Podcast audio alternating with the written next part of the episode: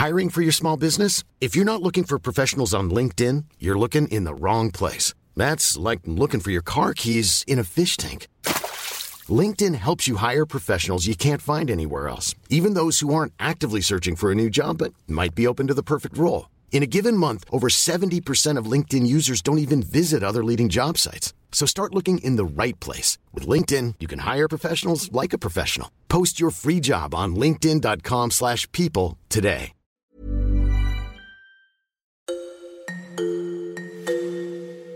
Han kan mange ting. Han er meget ideologisk jo, og det er også vigtigt for, for et venstrefløjsparti som enhedslisten. Og så synes jeg, at øh, han er rigtig god til at gøre øh, sådan komplicerede, også nogle gange lidt langhårede venstrefløjsproblemstillinger øh, meget nærværende, meget, meget konkrete. Han kan godt øh, gå til stål over for politiske modstandere og, og få udstillet dem. Maj Villersen hun skal på barsel og stopper samtidig som politisk ordfører for enhedslisten. Tirsdag kunne hun så afsløre navnet på den nye politiske ordfører, som bliver Pelle Dragsted. Erik Holstein han har fulgt enhedslistens chefideologs politiske liv og vurderer i dag hans lederevner og politiske strategi, blandt andet i form af det samarbejde, som Pelle Dragsted han kalder for håbets akse. Jeg hedder Karoline Tranberg, og du lytter til Altinget Azure. Erik Holstein, hvor startede Pelle Dragsteds politiske karriere henne? Pelle Dragsted er en øh, person, der har en øh, lang, lang fortid i øh, venstrefløjen. Han startede faktisk på den aller yderste venstrefløj, tilknyttet besætmiljøet. I handler mod grundloven, I er diktatur. Han var også tilknyttet noget, der hed antifascistisk aktion. Og politiet må tage affære. Som var sådan en øh, yderliggående venstrefløjsgruppe, der gik ud og, og sloges med nazister, og det skulle forstås ret bogstaveligt. Altså vi har for eksempel sagt i forhold til nederste højrefløj, der er vi altså parat til at tage den fysiske konfrontation for at forhindre dem i at udvikle øh, deres bevægelse. Og hvordan er han så endt i enhedslisten? Altså han startede jo i enhedslisten helt tilbage i... Øh, Øh, 2008-2009 stykker. Altså først som, øh, som presseansvarlig, øh, pressechef, ikke? og så blev han sådan strategisk rådgiver. Øh, og han var den første, der begyndte at bruge øh, fokusgrupper, sådan noget som meningsmålinger for enhedslisten. Jeg husker, han, han hævde fat i mig øh, en gang øh, korset efter han var startet inde på borgen, og der, der sagde han, okay, de havde lavet nogle øh, meningsmålinger, der viste, at enhedslisten faktisk havde potentiale til op til 10 procent af vælgerne. Jeg synes, det lød helt sort, fordi det var lige efter det der valg der i 2007, hvor de var ved at ryge baglæns ud af Folketinget, og der lå de altså på 2-3 procent af stemmerne. På den ene side er vi jo glade for, at øh, det ser ud til, at vi kommer ind. Jeg har nu troet på det hele tiden, men øh, den anden ting er jo altså, øh, nu bliver der klappet. Den anden ting er jo altså, at vi skal have slået på, og det ser ikke så godt ud lige nu. Men han havde jo ret, fordi få år efter, under Thorning-regeringen, der fik de faktisk meningsmålinger over 10 procent. Så hvis man placerer partiet det rigtige, rigtige sted, hvis man slår på de rigtige dagsordner, øh, så kan man nå meget bredere ud. Og det så han jo så øh, øh hurtigt øh, for enhedslisten. Så jeg vil sige, at han har haft en, en stor betydning for partiet. Han er øh, både som, som strategisk rådgiver for Johannes Schmidt Nielsen dengang, men, men også som, som folketingsmedlem, og den der titel, han har fået chefideolog. Ikke? Øh, der har han været med til at flytte partiet på en række dagsordner. Og nu afløser han øh, Maj Villersen som øh, politisk øh, ordfører. Hvad er forskellen på de to øh, politikere? Der er ikke rigtig nogen politisk forskel på dem. Man kan sige, at Maja Villersen har øh, hendes indgangsvinkel til øh, at øh, komme ind i politik var altså meget klimadagsordenen. Pelle har været en anden, der var sådan en traditionelle venstrefløjsdagsorden, men, men politisk set ligger de øh, fuldstændig på linje. Men de er forskellige som personer. Altså, Maja Villersen er jo, hun er jo super dygtig sådan på det faglige område, altså Cassie Stoff øh, til, til fingerspidserne, selvfølgelig spil på klima, men også på en række andre områder. Men hun har altså en meget lav hvilepuls, ikke? Øhm, og det betyder, at, at hun, øh, hun er ikke øh, hun er, altså ikke gået ind i taklingerne med de politiske modstandere med knopperne først, vel? Øh, og det så man også i valgkampen. Altså, der skulle hun have været langt, langt mere kontant, efter at Socialdemokraterne havde markeret, at øh, de vil gå øh, i samarbejde med de borgerlige. Ikke? De skulle have hamret løs på Socialdemokraterne sagt, hvis man vil øh, have en øh, venstrefløjspolitik, kan man ikke stemme Socialdemokraterne øh, den her gang, man nødt til at stemme på SF eller Enhedslisten. Øhm, så hun har været for forsigtig i nogle situationer, selvom hun øh, har haft en faglig dygtighed. Dragsted øh, er øh, mere kontant i debatter. Øh, han kan godt øh, gå til stål over på politiske modstandere og, og få udstillet dem. Han har nogle gange en tendens til at være lidt for høflig. Han er jo en meget rar mand, øh, Pelle Dragsted, så altså, nogle gange skal han også øh, sådan steppe op i gear og, og slå til, ligesom Johannes med Nielsen jo kunne, ikke? hvor hun sagde, at Torning-regeringen pissede på vælgerne og alt det der.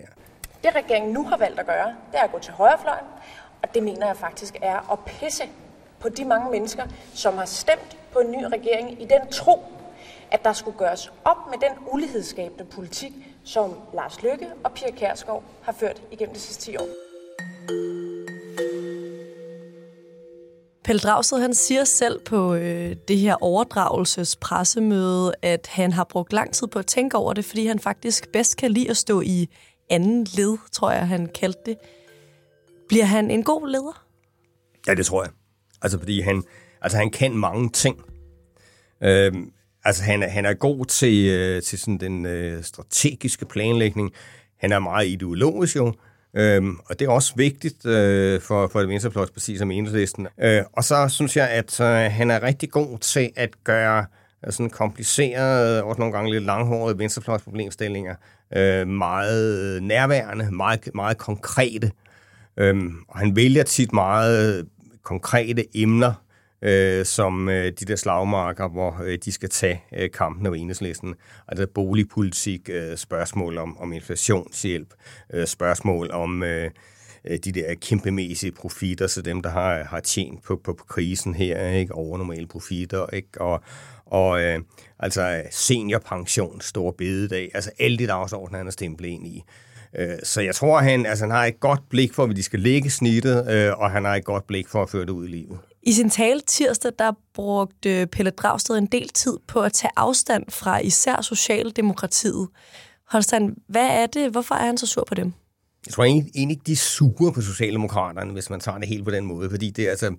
Altså, der er egentlig sådan liv lidt mere illusionsløse. De, ikke, de bliver ikke sådan skuffet over Socialdemokraterne på det personlige plan, ligesom måske nogle af SF'erne gør. Men det er klart, at den position, som Socialdemokraterne har i øjeblikket, hvor de samarbejder med Lykke og Ellemann, øh, der skal enhedslisten jo selvfølgelig hakke til. Og de skal også gøre det altså hårdere, end de har gjort det hidtil. Altså, det skal jo, det skal jo koste for Socialdemokraterne, set på enhedslistens synsvinkel, ikke? skal det koste for Socialdemokraterne at have fravalgt venstrefløjen og gået i samarbejde med højrefløjen. Altså, den eneste måde, de får Socialdemokraterne tilbage på, det er jo, hvis øh, den socialdemokratiske ledelse kan se, at, at, at de mister spændevis af vælgere øh, til venstrefløjen. Det kan godt være, at de på, på et tidspunkt øh, overvejer, om kursen er rigtig. Ikke? SF og Alternativet er øh, dem, vi skal arbejde sammen med, sagde han i stedet øh, på pressemødet. Han kaldte øh, endda SF, Alternativet og Enhedslisten for håbets akse.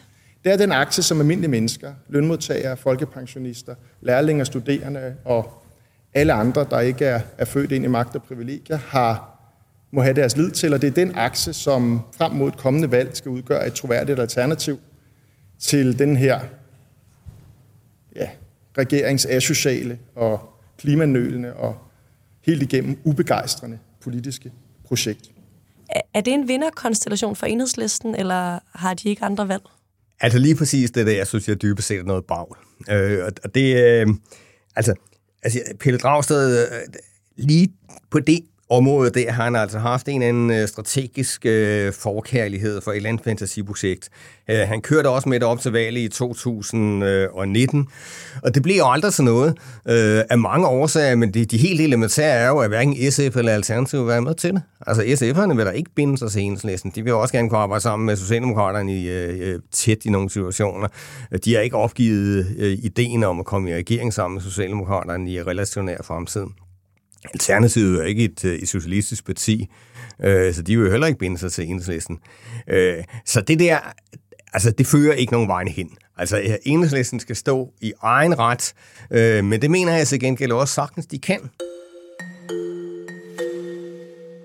Enhedslisten skal være et bredt folkeligt parti.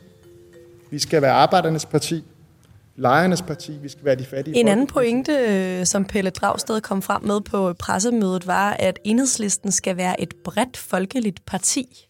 Står det i kontrast til, hvad enhedslisten har været før, eller hvorfor har han brug for at sige det? Det understreger jo, at de er meget opmærksom på, øh, hvad der er sket ved de sidste to folketingsvalg. Nemlig, at øh, deres base er snævret ind. Øh, tilbage i øh, 2015 ved valget der, øh, der var de faktisk ved at blive det der brede folkelige parti. Øh, de var slået igennem til øh, temmelig mange øh, arbejdervælgere. De var slået igennem på forskellige steder i provinsen også. Det var ikke bare det der studiendikose Københavnerparti eller Aarhusparti, som, som man havde set. Men den base er altså eroderet. De har mistet rigtig mange arbejdervælgere, altså for et parti, øh, der kalder sig der arbejder præcis som enhedslisten, der er det jo katastrofalt, at de har, jeg tror det er 4-5 procent af arbejdervælgerne, der stemmer på den. Altså det er helt langt nede. Ikke? Øh, og lige sådan altså, de vælgere, der bor uden for de store byer, de stemmer heller ikke enhedslisten mere. Øh, og det er jo sådan en erkendelse af det, at han siger, okay, det skal vi altså rette op på. Vi, vi er nødt til at nå bredere ud, ikke? Øh, og vi har også potentialet til noget bredere ud. Øh, så det bliver de der brede folkelige dagsordner, han kommer til at dyrke, øh, og, og han vil virkelig lægge meget vægt på, at man øh, får genvundet de vælgere, der har vendt øh, enhedslisten ryggen her de senere år. En øh, interessant analyse af enhedslistens position, den øh, kom Holger K. Nielsen med i et interview, som vi lavede her på Altinget op til afstemningen om øh, forsvarsforbeholdet. Han sagde, at enhedslisten bliver mere og mere pragmatiske, og at de minder om SF for øh, 20-ish år siden. Er du enig i den analyse? Jeg er enig i den første del af analysen. Øh, det er at enhedslisten er blevet mere og mere pragmatiske. Øh, og det er jo også netop i høj grad en udvikling, som, som Pelle Dragsted har skubbet til. Ikke? Øhm, altså, helt konkret skete jo det, der jo det tilbage i, ja, nu er det efterhånden 12 år siden, ikke? Men, men der, da Torning-regeringen kom til, der besluttede enhedslisten jo godt, at man, øh, at man kunne stemme på finanslov, hvis ellers indholdet var rigtigt. Ikke? Og der havde det jo været de første mange år i enhedslistens eksistens, at man under ingen omstændigheder ville stemme på finanslov, fordi det var ligesom det borgerlige samfundsregnskab og alt det der, det ville man ikke være med til. Men altså det, at man gør sig spilbar til at kunne stemme på finanslov, øh, det betyder jo, at man får en helt anden øh, parlamentarisk relevans, end man tidligere havde haft. Øh, og man kan jo finde mange andre eksempler. Man har jo også netop øh, revideret sin... Øh, øh, politik i forhold til NATO. Ikke? Det gjorde man jo der under øh, en vis raballer der sidste år, men det lykkedes jo dog, ikke? hvor man jo accepterer NATO-medlemskab, indtil der er et troværdigt alternativ. Så det er selvfølgelig udtryk for en, en, øh, en pragmatisme. Jeg mener stadigvæk, der er nogle principielle forskelle på SF og enhedslisten, man skal holde fast i. Øh, Dragsted nævnte selv øh, noget øh, indirekte her på, på pressemødet, så jeg, hvor han, hvor han sagde, at det er ikke rigtigt, sagde han henvendt til en journalist, det er ikke rigtigt, at, at enhedslisten skal være et korrektiv til Socialdemokratiet. Fordi netop det der med korrektiv, det er lige præcis SF's rolle at være korrektiv til Socialdemokratiet. Men for enhedslisten, der er det mere altså et alternativ, og man også altså, skulle kunne anvise en, altså en radikal anderledes samfundsmodel på længere sigt. Ikke? Øhm, så derfor, derfor er det stadigvæk et, et, et, et fundamentalt anderledes parti, selvom det har bevæget sig ind på en parlamentariske bane og gjort sig selv langt mere spilbar de senere år. Ikke? Her til allersidst, Holstein, ser du egentlig øh, fremtiden øh, for enhedslisten som lysere, også nu hvor Socialdemokratiet har valgt at arbejde hen over midten? Det kommer ind på, hvordan du øh, ligesom stiller det op. Fordi det er klart, at, at i forhold til øh, det rent parlamentariske, så er enhedslisten jo øh, altså mere uden for indflydelse, end de har været rigtig længe, i hvert fald når der har været socialdemokratiske regeringer. Men ser du på enhedslistens egen position, ser du muligheden for at, at skabe øget opbakning til partiet, øh, så mener jeg, at det ser ret fint ud. Altså hvis de spiller deres kort rigtigt, øh, så kan de få et, et, øh, et super godt valg næste gang. Så øh, jeg synes, kigger man på de partier, der fik en vasker ved folketingsvalget, vi ser på de radikale, der netop også har haft øh, sommergruppemøde. Ikke? Kigger man på de partier, der, der, der fik en nedtur der, så er der mange af dem, der har meget svært ved at rejse sig igen efter det, der skete ved folketingsvalget. Det gælder ikke enhedslisten. Altså, de har allerede vundet det igen, de har tabt i meningsmålingerne, øh, og der er ingen grund til, at de ikke kan komme videre end det. Altså, på den måde tegner fremtiden okay på dem. Tak fordi du lyttede med til Azure i dag. Podcasten den blev produceret af Mads Aarhusen, Clara Vestergaard og af mig, og jeg hedder Karoline Tranberg.